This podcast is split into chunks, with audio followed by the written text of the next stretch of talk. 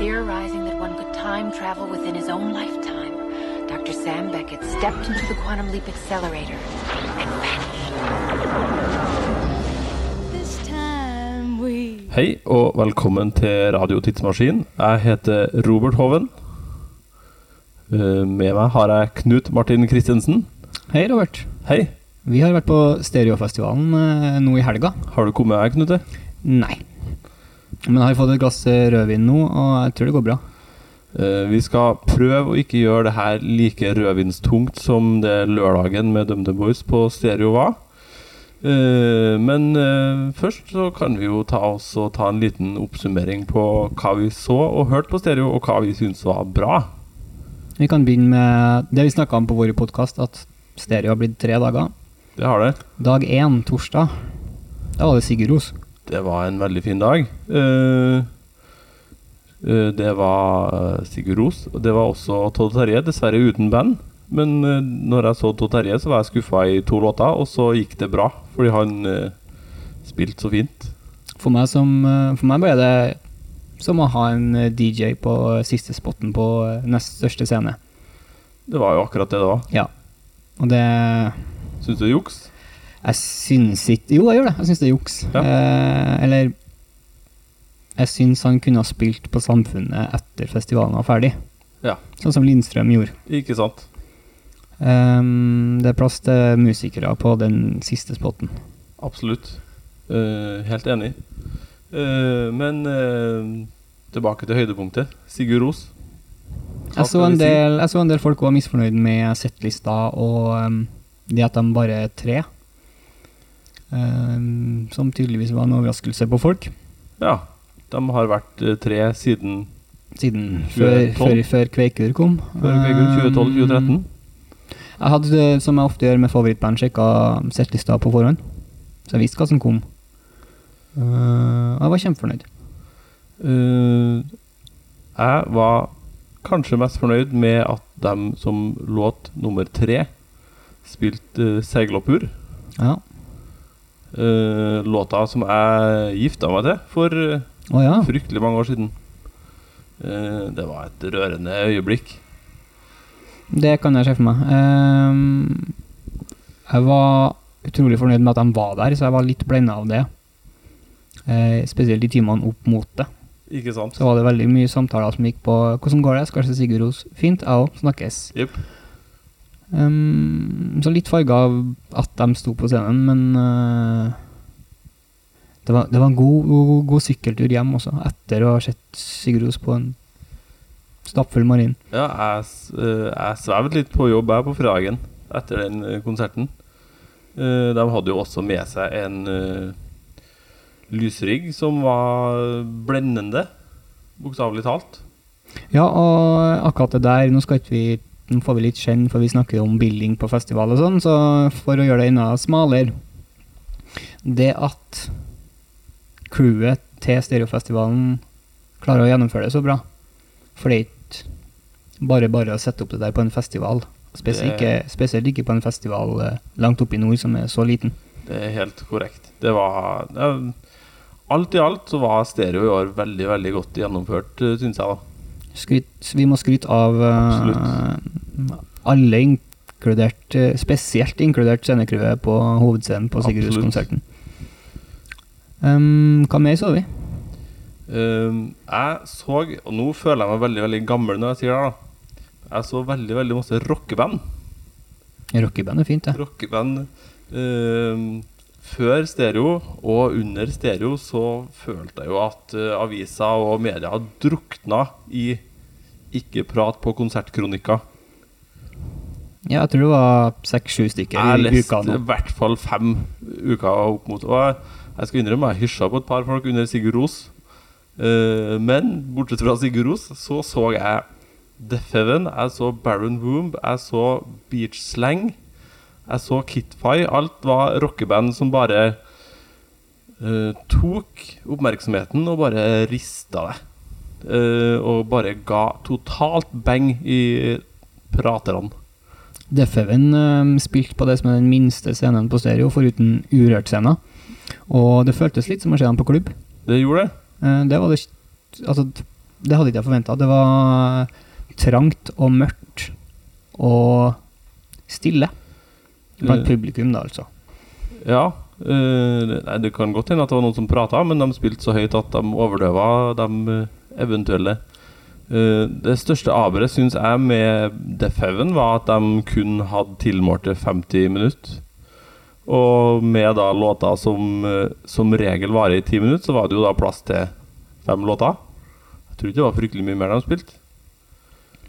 Det der er jo festivalfella uansett, så det er jo Jeg kommer nok til å se dem på klubb. eh, Jeg hørte, jeg fikk første førstehåndsinformasjon om at de også, sist de spilte på Sentrum Scene for et drøyt år siden, også bare spilte i 50 minutter, Ja. sa de. Så mest sannsynlig så var det der ganske nærme hvordan en klubbkonsert med Def Heaven ville ha vært. Beachslang eh, fikk jeg ikke sett. Og Bendik fikk jeg ikke sett, eh, som jeg hadde gleda meg til. Uh, Beachslang var et aldeles nydelig igjen da, rockeband. Jeg føler meg gammel. Men et fantastisk rockeband som bare tok eh, oppmerksomheten og var tydeligvis veldig veldig glad for å spille foran et uh, entusiastisk publikum. Uh, det var synergieffekter. Det var vakkert. Det var høyt. Uh, det er også en av tingene jeg syns var veldig positivt med Stereo. De hadde skrudd opp. Jeg husker i fjor eller forrige fjor, da sto jeg rett foran PA-anlegget når Spider-God spilte, og hørte alt alle sammen sa. Sånn skal det jo ikke være, da. Nei, det kan ikke, det kan ikke være så strengt. Nå eh, savner jeg øreprogrammet mitt opptil flere ganger, Um, på en god måte. Så også Thurston Moore. Det gjorde vi. Thurston Moore Group eller Thurston Moore Band, alt etter eh, som eh, Nå er det Thurston Moore Group. Mest sannsynlig er det da for at han ikke har med seg Steve Shelley lenger. Men ja, ok. Så uh, angivelig så var han sist han spilte i Norge, Thurston Moore Band. Nå var han Thurston Moore Group. Um, jeg var også så Thurston Moore uh, i Bokbad med Jørn Stubberud, som har skrevet Mayhem-boka. Ja. Og de satt og, eh, for å si det på trøndersk, prata skit i en time. ja. Veldig hyggelig. Det var veldig koselig, veldig artig og tidvis eh, ufrivillig komisk. Kan man si det? Pinlig var det ordet jeg tenkte å bruke. Ja. Eh, kan være litt pga. engelsk uttale også. Um, jeg har ikke lest hele Dødsarkiv, som da er boka som de satt og diskuterte. Boka som, eh, som Nekrobutcher, alias Jørn Stubberud fra Mayhem, har skrevet om Mayhems ti første år som band. Jeg har lest litt i den, eh, og syntes at eh, språket var utrolig flekkete og rart. Uh, og det var en sånn logikk som gikk opp når jeg da så han der eh, fyren satt og røla og drakk vin oppå scenen her. Han presenterte seg ca. like flekkete og usammenhengende muntlig som skriftlig. Uh, Ja, han, ja. Virka som en veldig jovial fyr. Uh, En fyr som helt sikkert er bedre på norsk. ja. Um, vi så også Band of Gold. ja. Eh, de hadde med seg et kor i form av et eh, helikopter som uh, sveva 30 meter over Stereofestivalen for å filme et arrangement på toppidretts-Veko eller noe sånt. Det var da eh, under Det var jo også en sak. Jeg, på vei fra byen og over til stereoområdet på lørdagen, så var det så vidt jeg kom meg dit, tidsnok til å se Band of Gold, fordi at toppidrettsveka hadde stengt av 70-80% av sentrum for å gjennomføre et rulleskiløp. Et rulleskiløp midt på sommeren, hvor de til og med har eh, asfaltert eh, gamle, ærverdige Bakklandet kun for to dager. Og Eh, med da påfølgende helikopter som svever over byen og lydforurenser alt som skjer i mils omkrets. Så du da på de roligste partiene, på de tre-fire første bandene på lørdag fra klokka kvart over fire, hører Det var så gæli irriterende. Um, det der må Trondheim kommune slutte med. Og nå er det jo engang sånn at uh, idretten vinner, som regel. Gjør de det? De har nå pleid å gjøre det opp til nå. Ja. Um, de får mest, og de bryter brydde seg om eh, de her kulturfolkene så hardt. Men Det var i eh, hvert fall et par funksjonærer som ikke brydde seg om at jeg ikke kom meg på konsert. De var brysk da jeg prøvde å åle meg forbi rulleskisperringene. jeg møtte også et par bryske mm, gamle menn i uh, oransje vester. Der tror du, tror du de her bryske mennene i oransje vester var på stereo senere på lørdagen? Ja. Eh, jeg syns de eh, neste år, hvis de skal på eh, en headliner på stereo som passer dem, ha på seg de vestene. Ja, sånn at du kunne ha identifisert dem. Og kasta dem ut. For hvilket band var det de her eh, mennene som sikkert hadde lagt ifra seg refleksvestene sine tidligere på dagen, var og så på lørdagskvelden? De uh, dro hjem og kasta av seg vestene sine og åpna karskdunken, blanda seg en uh, stram en og dro på DumDum Boys, som spilte uh, stereoalbumet. Ja. Det vil si at snittalderen på stereo på eh, lørdag øka med 20 år. Ja, cirka det.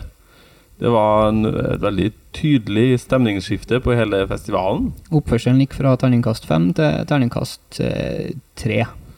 Flere, flere mennesker som dreit i alle andre artistene. Eh, som kom seint. kom sent. Ja, de, de kom sent, men det var likevel utsolgt for rosévin fra klokka halv sju. Så jeg tror kona deres kanskje kom tidligere. Ja, men der tar du litt feil, fordi den rosévinen øh, drikkes ikke av Dunham Boys-fan. Det, det, det er jeg ganske sikker på. Hva Eh, drikker de, da? Er det dem som drakk jegerflaskene som lå på guttedoen? Ja, det er korrekt. Det er. Mm.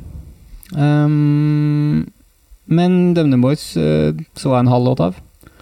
Uh, god stemning. Ja. Naturlig nok. ja. Men det gir jo meg ingenting. Eh, det er jo helt sikkert noen eh, musikkfans uh, som er veldig veldig glad i DumDum Boys, og som er uenig med oss her, men uh, Radio Tidsmaskinen er av den faste formening om at stereo bør ha høyere musikalske ambisjoner enn å booke såpass safe og kjedelig trauste artister som DumDum Boys. Her tangerer de torgkonserter, Sverresborg Arena, Granåsen og Bruce Springsteen.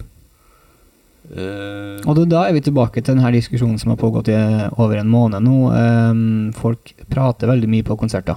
ja. Hvis du kjøper deg en billett til en klubbkonsert, og den scenen har bare ett rom, og det rommet har en konsertscene og en bar og en inngang og en utgang og et do, da holder du kjeften din. ja. Hvis du er på en festival, så setter du deg et stykke bak, og så bobler du så mye du vil. Ja, Det er ikke sikkert at man setter seg et stykke bak heller. Det er en god del av dem som står helt fremst. Ja, det kan de ikke gjøre.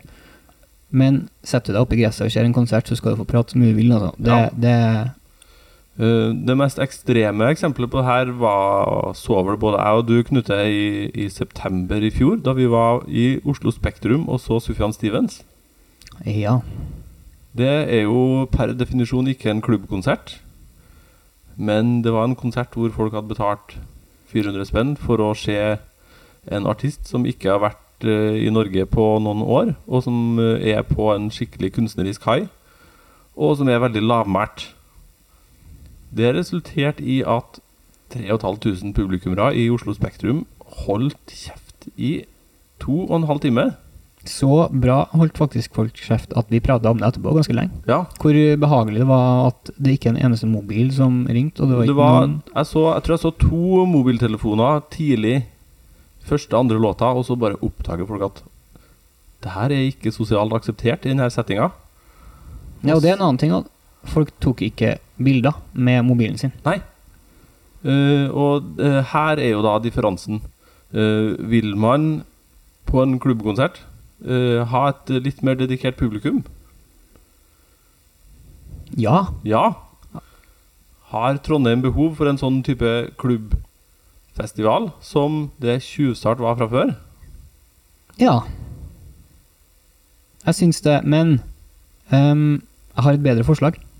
Ja. Og Da skal vi skyte inn da at Marius Øfsti, vår eh, tredje medlem, har uh, satt opp det her spørsmålet til oss. Trenger vi en klubbfestival? Som Tjuvstart. Som Tjuvstart var for mange år siden. Uh, Kan ikke du gi oss en eh, oss eh, ikke fullt så innvidde, Knute, en kjapp innføring i hva var Tjuvstart? Tjuvstart start ble starta på en scene i Trondheim. Uh, vi kalte den Vi, uh, meg og Marius Øfsti og Jørgen Yri og Kim Aasli starta en festival og kalte den Tjuvstart fordi det var i oktober, altså før alle andre festivalene.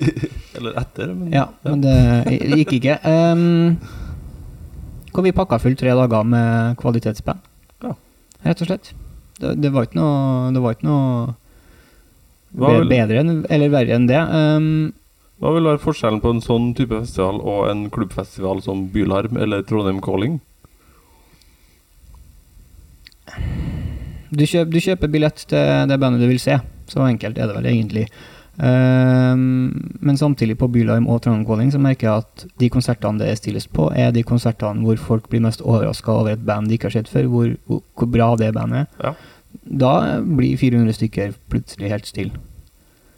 Da har du litt annet Da, da må du Da har du det utgangspunktet når du går på scenen, at folk ikke bryr seg om deg, for de vet ingenting om det.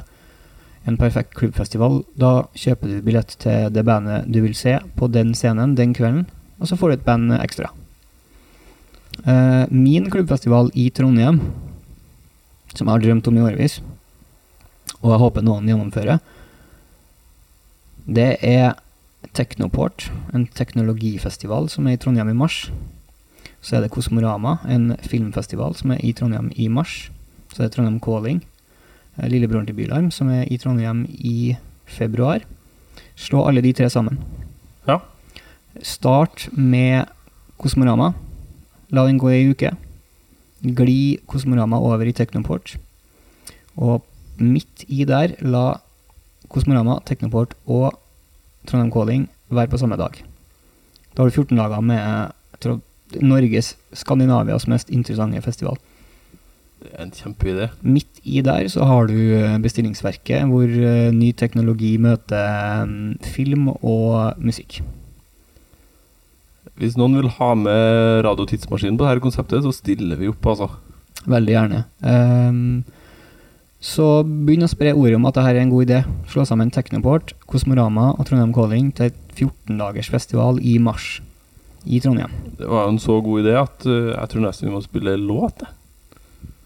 Da skal vi spille et trønderband, da. Vi skal Eh, spille et av de beste låtene eh, en av, Et av de beste bandene vi så på På Stereofestivalen. Em, to stykker, to trøndere, som eh, heter Baron Womb. Som uh, ga ut en skive i fjor høst. Um, som er utrolig bra, som er gitt ut på et uh, amerikansk selskap. uh, Spartan Records. Starta av markedssjefen til um, Tooth and Nail Records.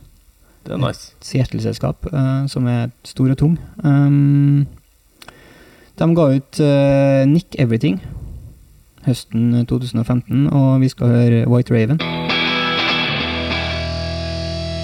Det var Baron Womb med White Raven.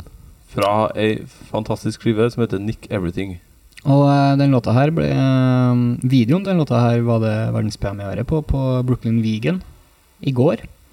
Jeg vet ikke hvor mange trønderband som har hatt videopremierer på Brooklyn Vegan, men jeg tipper vi kan telle dem på ei hånd. Um, hvis du går inn på Facebook-sida vår og scroller ett hakk ned, så kan du finne denne videoen. Da går du samtidig inn og trykker like på Facebook-sida til Baron Woom. Det syns jeg de har fortjent. Og stikk og se dem neste gang de spiller på en uh, scene nær deg. Et par ting til jeg skal jeg har lyst til å si om stereo før vi går videre. Um, jeg har funnet ut hvorfor menn uh, eier verden, og ikke det andre kjønn. Fortell. Doke. Det stemmer. Mhm. Det leste jeg en eh, smart person på nett her, at eh, mens jentene står i dokø, så springer vi rundt og nettverker. Eh, Det er helt korrekt. Eh, Det jeg har det Jeg tipsa alle mine, mine kvinnelige bekjentskaper om at de bare måtte gå på guttedoen på stereo, for det var jo fryktelig dårlig organisert på den andre sida. Jeg tror det var der jeg traff mest jenter under de tre dagene. Ikke sant? På guttedoen. Ja. Det er veldig hyggelig, det. Ja, ja, ja. Ehm, men jeg vet ikke om det var Jeg tror ikke det er noe galt med kapasiteten på festivalen, men eh, wow, det er mye kø på do. Det er jo en ting som eh, større festivaler som eh, Øya har løst på en bedre måte. Der er det mindre kø på do. Det er ikke kø i baren, og de har ikke cashless. Ja, ikke sant. Um, Annen ting jeg må trekke fram, er maten på stereo. Jeg syns det var utrolig bra. Jeg spiser veldig mye god mat. Jeg spiste uh, kongekrabbe med vaffel fra Trondheims uh, beste restaurant Credo. Ja. Eller Jossa, som de kaller seg. Kosta 160 kroner. Hva var det? Det var verdt det. Oh. Kan si det er dårlig festivalmat, men å sitte, sette seg ned på et bord og spise eh, krabbe med fingrene, det var veldig riktig. Drakk du da rosévin? Da var det tomt for rødvin, så jeg drakk en, eh, en Riesling, men det gikk eh, helt fint. Ja. Um, den siste tingen jeg vil dra fram, er utrolig intern, men uh, hvis noen i Trondheim Parkvesen kan trimme de trærne som er mellom uh, scene 2 og vinbaren, så gjør det livet mitt mye bedre. For da kan man henge i vinbaren og drikke rosévin og se konsert. Det er helt korrekt. Det hadde jeg veldig gjerne kunnet tenkt meg. Så det er bare et tips til Trondheim Parkvesen. kutt litt av de trærne. Hvis vi har noen lyttere fra Trondheim, Parkvesen, gi oss en shout-out, da. Takk. Um, over til en såkalt spalte, Robert. Ja. Anbefalinger. Ja. Den Vi- prøver vi å kjøre så fast som vi får til på Radio Tidsmaskinen. Og vi skal begynne med Marius sin, som han har sendt inn til oss på uh, et eller annet. Telegram. Um, jeg skal bare lese den. jeg. Gjør det. Skal prøve å gå på konsert på lørdag. Utropstegn. Lykke til. Det er jo en sjelden ting for eh, småbarnsfedre. Derfor utropstegnet, tipper jeg. Helt sikkert. Uh, Popvenstre arrangeres av Rødt. Passe barnevennlig, har han skrevet. The Switch, et uh, Radio Tidsmaskin-favorittband, spiller. Um, Ola og Silje Huleboer og Einar Streie Orkestra spiller. Um, gå inn på popvenstre.no og se programmet. Hvis du bor i Oslo, så kan du gå og møte Marius.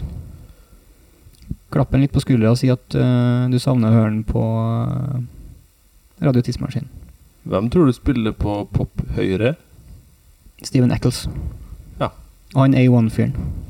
Ja. Christian Ingebrigtsen. Der har du dem to. Ja. Da hadde jeg heller gått på popvenstre, ass. Støttes. Uh, kanskje også Penthouse Playboys på pophøyre, tipper jeg. Helt sikkert. Og digresjon. Med Kjetil Rolnes, Ja. Hvem eh, på stereo ble gjenkjent som han siste fyren i Radio Tidsmaskin pga. stemmen sin? Det var meg. Det var tidlig, tidlig på lørdagen.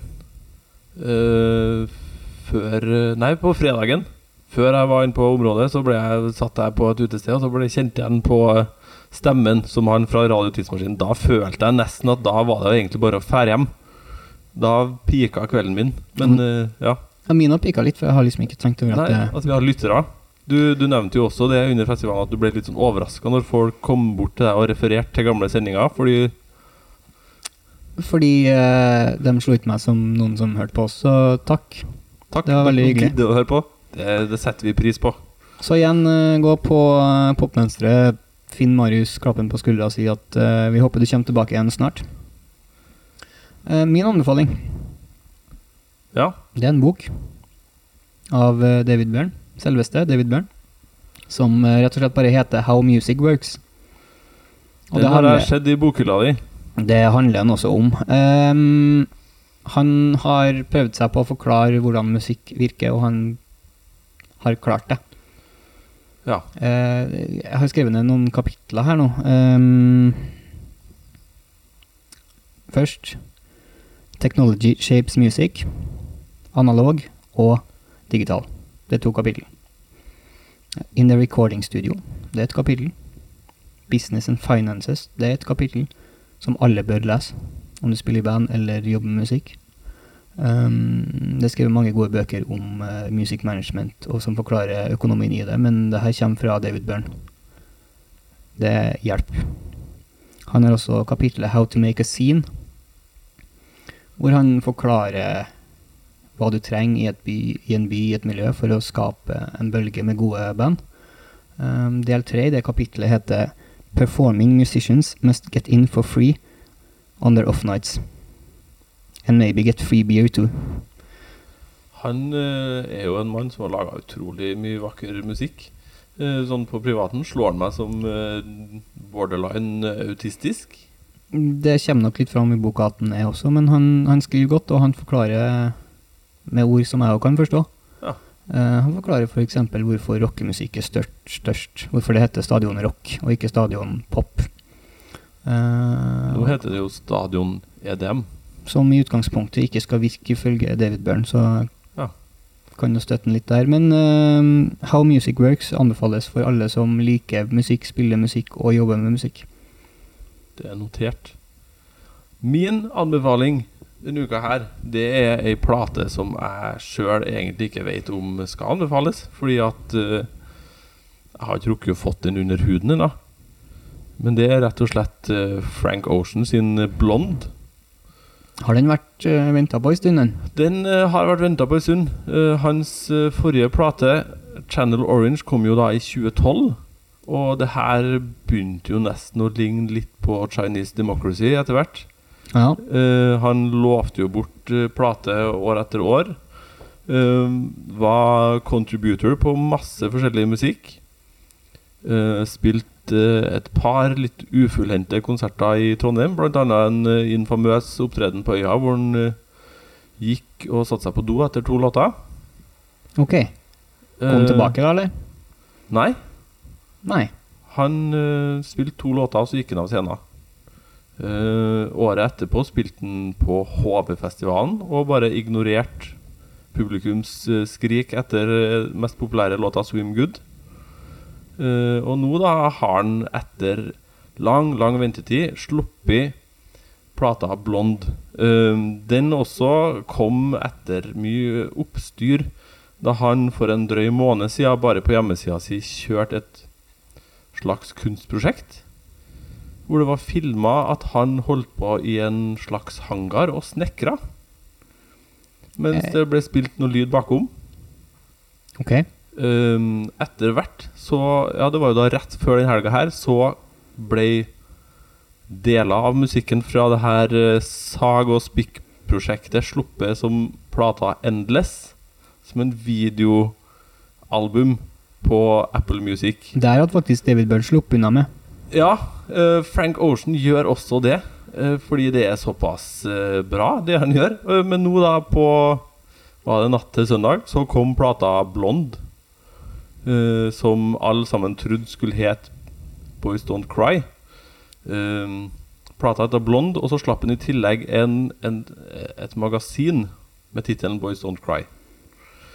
Eh, Hva er feil med Frank Ocean? Nei, han, det er absolutt ingenting feil med han. Han eh, er en artist som har nok moment til å kunne, når han gjør noe, uh, tapetsere alt av uh, interessante kanaler med uh, rare påfunn. Litt på samme måte som det Kanye West gjorde når han slapp plate. Når han da Når Beyoncé kom med en ny singel, så bare roper han ut på Twitter at uh, Bill Crosby is innocent og sånne ting. Så bare sånne, sånne teite stunts som bare gjør at man bare stjeler Støvsuger all oppmerksomheten, rett og slett. Uh, der er også Frank Ocean et lite geni. Et sånt uh, Et ordentlig sånn unikum innenfor det med oppmerksomhetsøkonomi, da. Levere en uh, produkt etterpå? Ja, og det der er jeg usikker, for denne plata har bare Siden da i går kveld så har jeg bare rukket å kjøre den tre ganger. Og det føles virkelig ikke nok. Det her er en skikkelig dobbeltdekker av en burger å bite over. Uh, han har ei gjesteliste på denne plata, både på, en, på Blond og Endless, som er lengre enn et vondt år. Her snakker vi uh, James Blake, vi snakker Kendrick Lamar, vi snakker Beyoncé, vi snakker uh, Han har kreditert David Bowie. Han har vært i England og spilt inn musikk i Abbey Road. Han eh, tar sin plass i musikkhistorien. Uh, han er på ingen måte sjenert over eget, uh, sin egen posisjon. Uh, så han sikter høyt, og teamet vil show om han klarer å leve opp til det. Men fordi at det her er et sånn overflødighetshorn som trenger mange mange runder for min del, for å sette seg i hvert fall, så er det her en anbefaling. Fordi at hvor mange artister i dag er det som klarer å levere noe så monumentalt? Jeg skal sette eh, albumet på offline når jeg tar på meg tightsen min og jogger fra Byåsen til Lade etterpå. Så skal jeg komme med en rapport når jeg Det må hjem. du gjøre. Eh, Jeg tror du må ha et par joggeturer til for å, for å ha lov til å uttale deg om det her eh, monumentale prosjektet. Da skal jeg gi et svar våren 2017. Gjør det. Fra denne plata så skal vi da kjøre et spor som er kanskje det nærmeste man kommer en uh, ordinær låt. Uh, Den låta med minst jåleri. Um, her er det noe sånn vag, vag backingvokal, som da er Beyoncé som er med koret. Når man da har, er i den posisjonen at man kan bruke Beyoncé og så bare plassere lengst bak i hjørnet på en sånn låt ja, det, Hva skal man si? Vi kjører Frank Ocean, vi, med Pink White.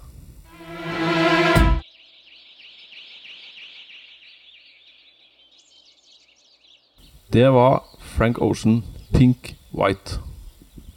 Vi har egentlig snakka oss ferdig, Robert. Ja, Vi skal bare innom eh, en liten spalte til. Marius eh, skal dele noen ting med oss. Mm, øyeblikket har vi kalt spalta. Vi var innom en eh, tidligere. eh, vi snakker om førstegangsopplevelser. Og den gangen her så handler det om det første albumet vi husker vi kjøpte, eller det første albumet vi husker vi eide. Det første albumet, rett og slett. Um, det er litt for mye å ta eh, alle tre på en gang, så vi skal begynne med Marius. Um, Ja, det er jo da Neste gang så blir det da din tur, og gangen etter det, om to uker, så blir det min tur. Jeg vet jo ikke helt hva verken Marius eller du har valgt, men jeg ser for meg at jeg kommer dårligst ut av det her, altså. min er Ikke si det, vi, vi sparer det. Nei, min Ja. er en av de mestselgende albumene i uh, norsk platebransjes historie.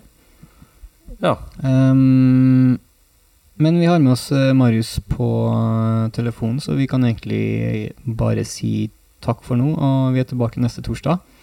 Gå på Facebooken vår og se videoene til Baron Woomb, og ehm, der legger vi også ut linker til våre anbefalinger. Um, men Marius, hva var din uh, først, ditt første album? Uh, ordet er ditt.